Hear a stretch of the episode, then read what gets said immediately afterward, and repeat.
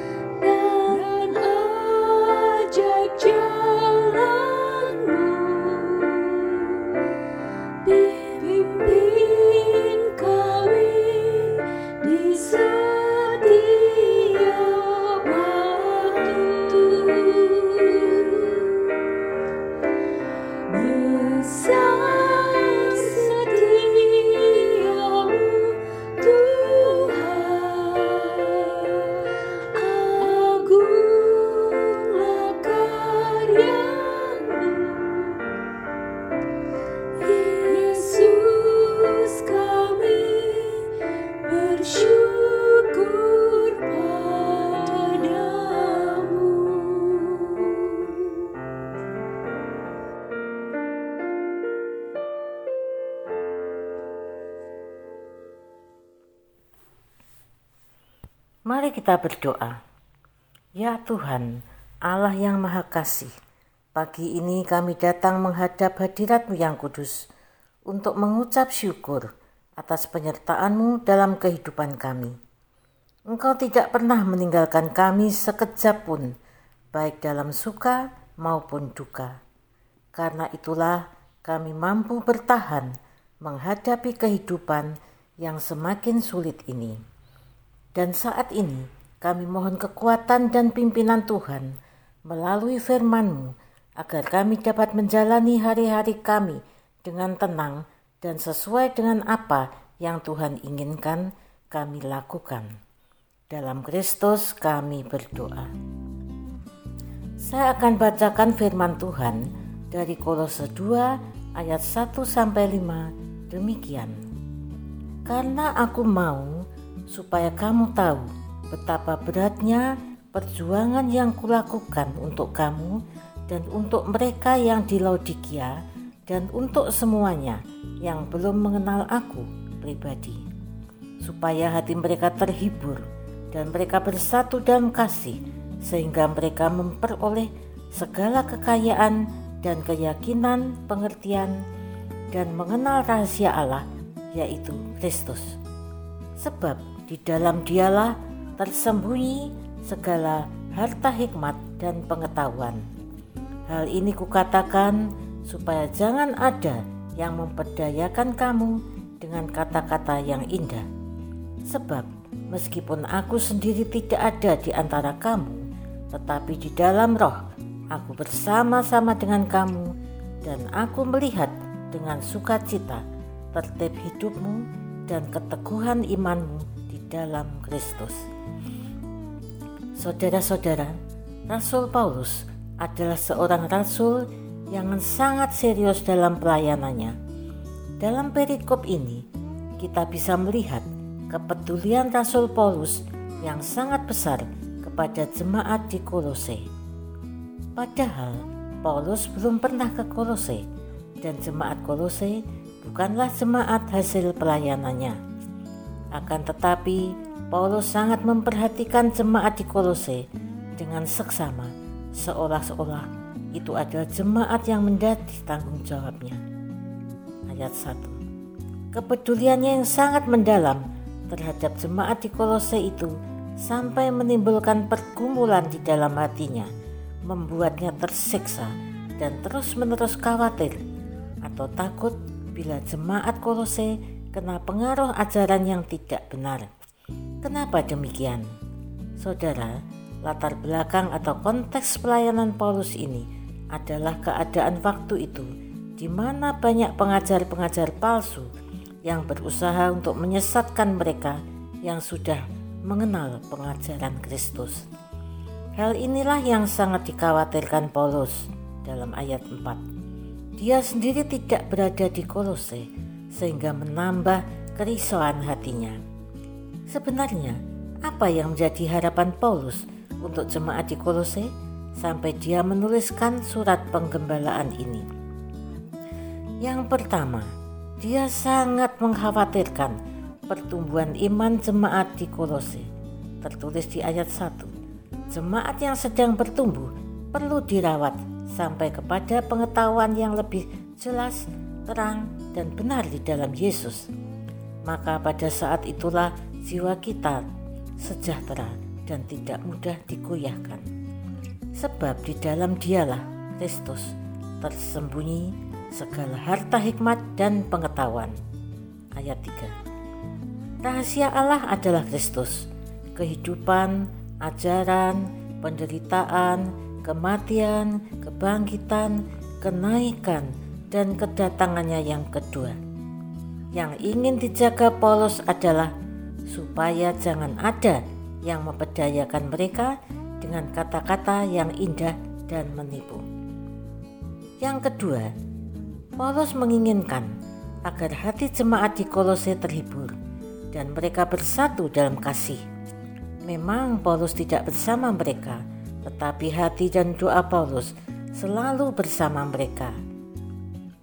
Dalam roh aku bersama-sama dengan kamu. Itu tertulis dalam ayat 5. Bersatu dalam kasih. Hal inilah yang diutamakan Paulus, bukan yang lainnya. Misalnya supaya mereka sehat, gembira, kaya, hebat, dan makmur. semakin akrab kita bersekutu dengan sesama orang Kristen, semakin ada keterikatan, kehangatan, dan kasih kudus yang mempersatukan. Hal yang ketiga yang diinginkan Paulus adalah walaupun mereka tidak berada di satu tempat berjauhan, tetapi di dalam persekutuan dengan iman, harapan, dan kasih yang kudus, kita dapat merasakan kesatuan dalam roh. Sebab persekutuan orang-orang kudus adalah perkara rohani. Jadi walaupun mereka tidak pernah bertemu, tidak saling mengenal, tidak pernah bergaul secara langsung, kita dapat memikirkan, berdoa, dan saling peduli. Rupanya hal inilah yang telah dilakukan Paulus dalam penggembalaannya terhadap jemaat di Kolose. Saudara-saudara, dalam masa pandemi ini, banyak hal yang menghalangi kita sesama jemaat untuk berjumpa secara fisik. Banyak kegiatan gereja yang terpaksa ditiadakan karena hal ini. Tetapi, apakah hal ini akan menghambat kegiatan atau pertumbuhan rohani juga terhalang? Tentu saja tidak.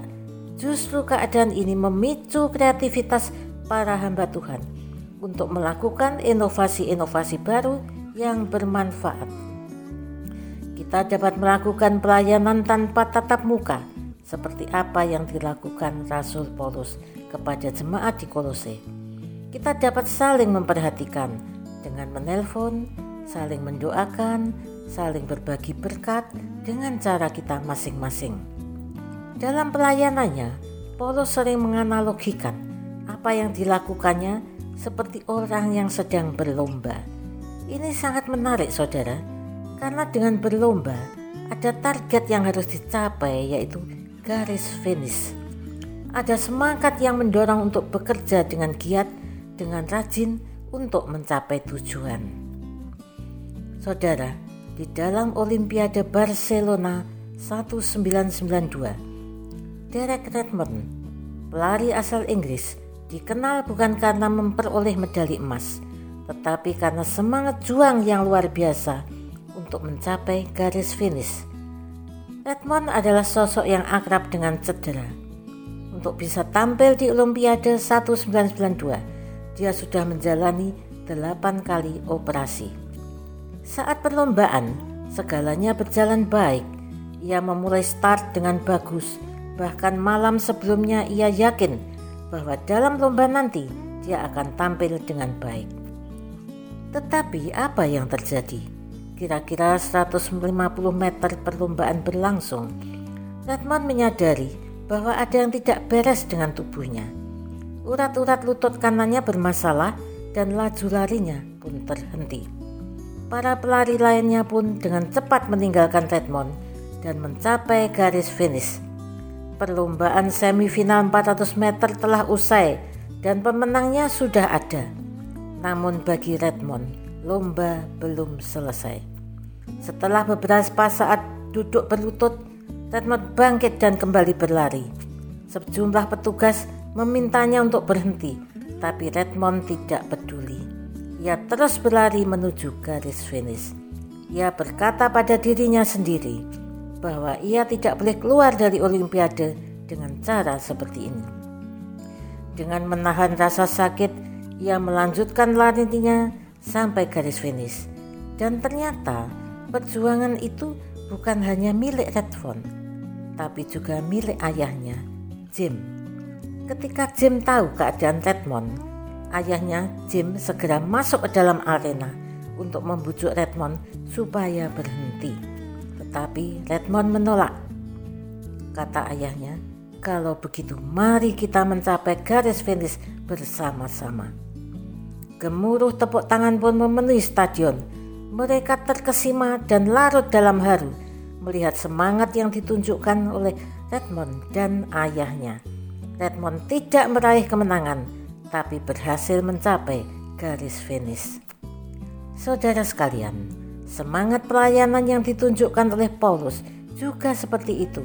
Ia selalu mengibaratkan seperti sedang berlomba untuk mencapai garis finish.